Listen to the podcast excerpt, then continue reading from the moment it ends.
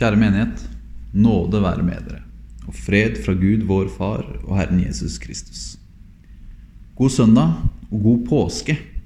Vi er inne i påsketiden og eh, skulle selvfølgelig gjerne hatt gudstjeneste i St. Jakob, men i dag så blir den på podkast. Og så er det også sånn at eh, Hvis du hører etter 11. april, så kan du vite at det er mulighet for å dra på Åpen kirke i St. Jakob fra klokka seks til klokka åtte. Men nå er vi samla for gudstjeneste her på podkast, og det er Silje Marie som har dagens preken over teksten i Johannesevangeliet kapittel 21. La oss først samle oss i bønn. Gode Gud, du ser at vi er spredt rundt omkring på forskjellige steder og i forskjellige livssituasjoner. Vi ber deg, saml oss som en hønemor samler sine små under vingene sine. Hjelp oss å høre deg, hjelp oss å se deg i vår neste, og gi oss mot og vilje til å vitne om din kjærlighet. Amen. Det står skrevet i evangeliet etter Johannes i det 21. kapittel. Da de var ferdig med måltidet, sier Jesus til Simon Peter. Simon, sønn av Johannes, elsker du, deg, elsker du meg mer enn disse? Han svarte.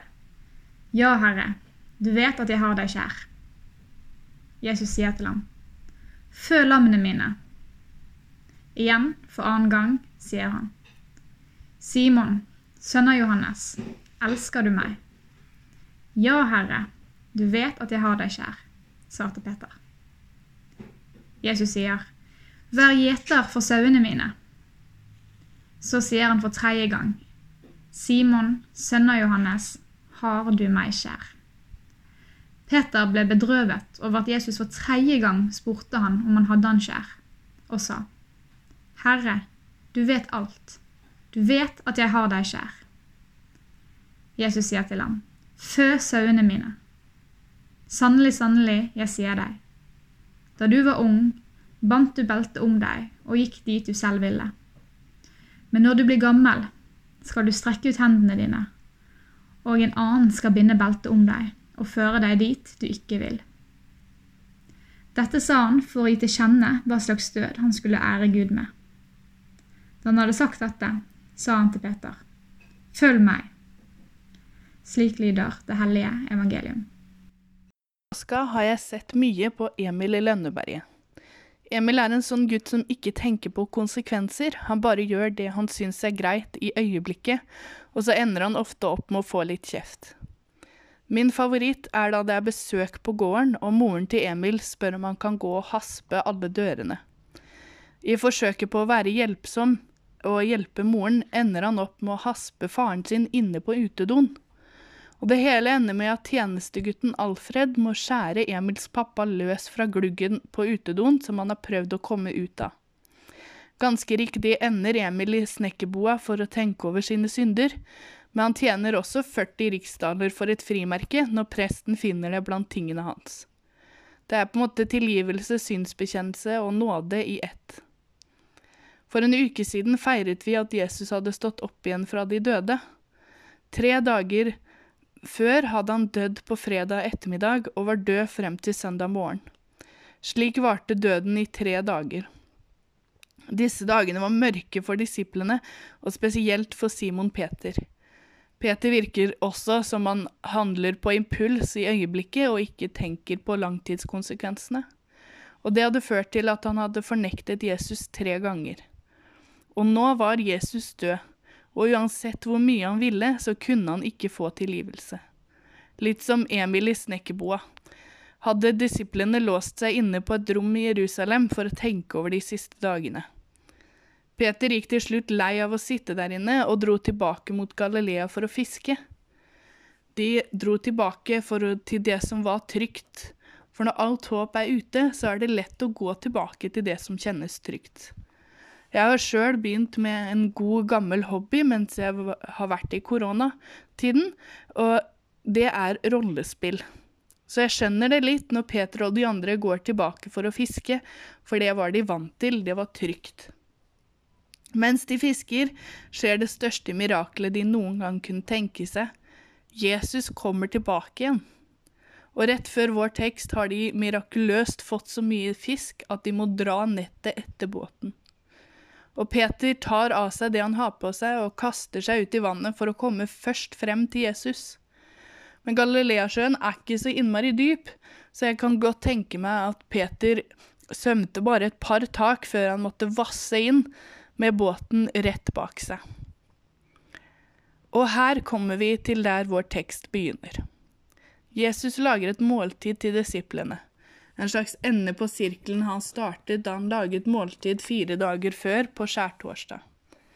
Men nå sitter de her og koser seg sammen med maten, og plutselig spør Jesus Simon Peter, som har fått tilnavnet Peter av Jesus, og, og Peter som betyr stenen, og han som skulle være stenen for de andre disiplene, men som sviktet. Han får spørsmålet der foran alle vennene sine.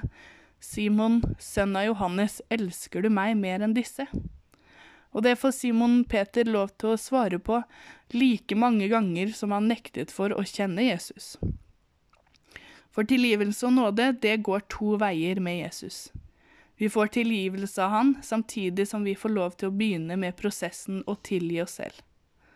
Og den prosessen fikk Peter lov til å kjenne på når han fikk tilgivelse for det han hadde gjort. Og det som alltid har forundret meg med den teksten her, er hvordan alt som skjer i teksten og i konteksten, har skjedd før. For før de spiser sammen, så kommer Jesus til dem mens de fisker, og spør om de har fått fisk. De roper inn til han og svarer at det har de ikke, selv om de har vært ute og fiska hele natta. Og så sier Jesus at de skal kaste garnet på høyre side av båten. Og når de gjør det, så får de så mye fisk at de må dra nettet etter båten inn. Syns du at du har hørt den historien før? Føles det litt som déjà vu? For det er ikke så rart. Fordi i Lukas så kan du lese om akkurat det samme, bare at det skjedde tre år før. I Lukas er det denne hendelsen som fører til at Simon Peter blir en disippel sammen med Johannes og Jakob, da de får en mirakuløst fiskefangst. Dette husket sikkert disiplene da de så en mystisk mann som sa akkurat det samme som Jesus hadde sagt for så mange år siden. Derfor var det lett for disippelen Jesus hadde kjær, som vi ofte tenker er Johannes, å forstå at det var Jesus som sto der på stranda og ba de komme. Jesus er litt uforståelig og en gåte, men akkurat her syns jeg han er ganske klar. Simon Peter hadde allerede fått ansvaret på å bygge menigheten og fø sauene til Jesus, men før han kan gjøre det, så trenger han å kjenne på Jesu nåde. Peter blir som Emil i snekkerboa som ber Kjære Gud, hjelp meg at inte gjøre flere hiss, beder vennligen Emil Svensson. Og noen ganger så er vi alle der inne i snekkerboa. Kanskje det er lenge siden vi har snakka med Gud, eller kanskje vi tror vi har gjort så mye gærent at vi må gjenintrodusere oss selv med fullt navn. Og slik følte Peter det også. Han, men han fikk det han trengte, tilgivelse og bekreftelse av Jesus. Jesus gir oss akkurat det vi trenger, når vi trenger det. Og vi behøver ikke å gå inn i snekkerboa hjemme hos og vente på at han skal roe seg ned, sånn som Emil må gjøre med sin pappa for vi kan møte Jesus akkurat der han er, og når vi trenger det. Jesus hadde altså stått opp igjen fra de døde. Og det er jo verdt å feire hver søndag, og ikke bare i påska. Og når de kommer inn fra land, så vet vennene hans med en gang hvem han var, og han behøver ikke å si hvem han er. Og det er et forbilde for kirken.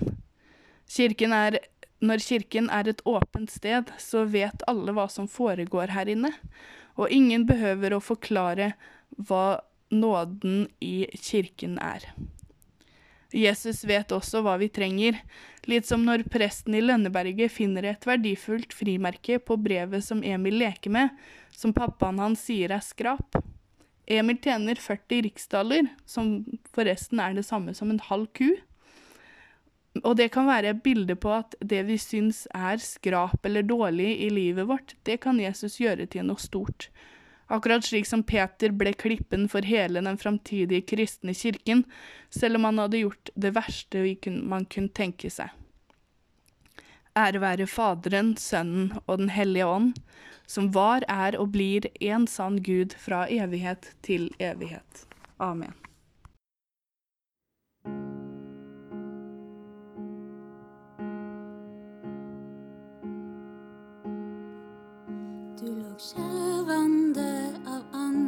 apnée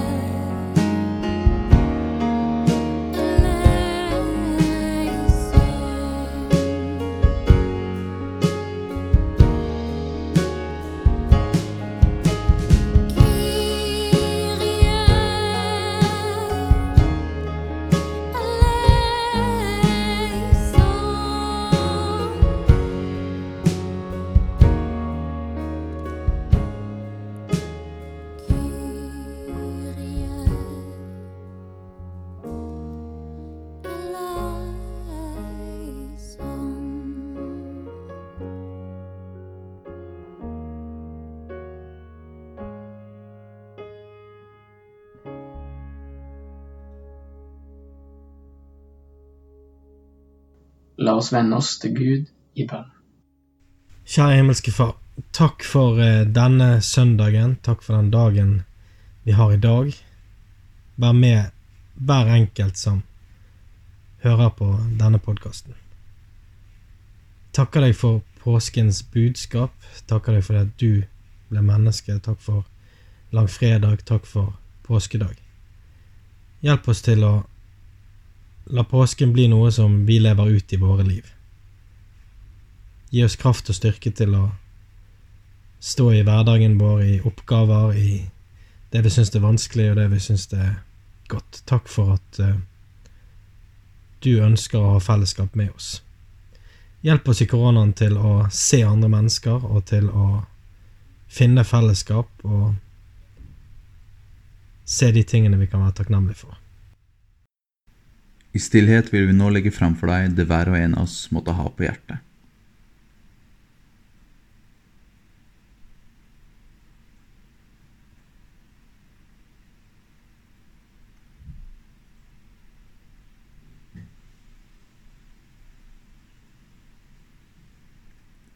Gud skap i oss tro, håp og handling. Herre, hør vår bønn. Vår Far i himmelen. La navnet ditt helges. La riket ditt komme. La viljen din skje på jorden slik som i himmelen. Gi oss i dag vårt daglige brød, og tilgi oss vår skyld, slik også vi tilgir våre skyldnere. Og la oss ikke komme i fristelse, men frels oss fra det onde. For riket er ditt, og makten og æren i evighet. Amen.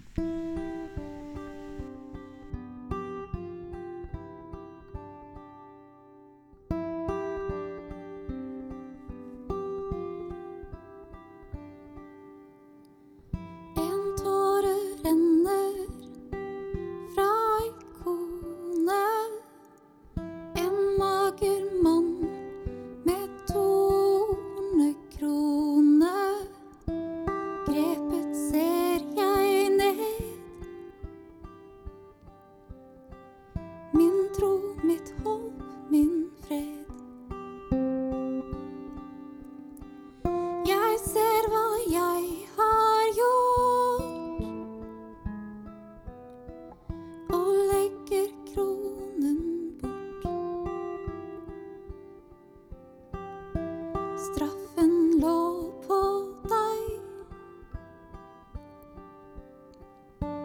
skammen